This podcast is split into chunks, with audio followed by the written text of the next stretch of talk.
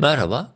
BIST 100 dün günün genelinde alıcılı seyrini korumayı başardı. Kapanış 5149 seviyesinde gerçekleşti.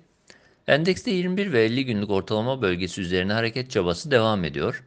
Yakın direnç bölgesi olarak değerlendirdiğimiz 5050-5100 bölgesi üzerindeki kapanışı kısa periyot için iyimserlik olarak değerlendiriyoruz. Günün zirvesi de olan 5170-5200 bandının aşılması sonrasında yükseliş eğiliminin bir miktar daha belirgin hale gelebileceğini ve bu defa 5300-5600 bandının hedeflenebileceğini belirtebiliriz. Endekste 4970-4930 bandı kısa periyot için destek olarak düşünülebilir.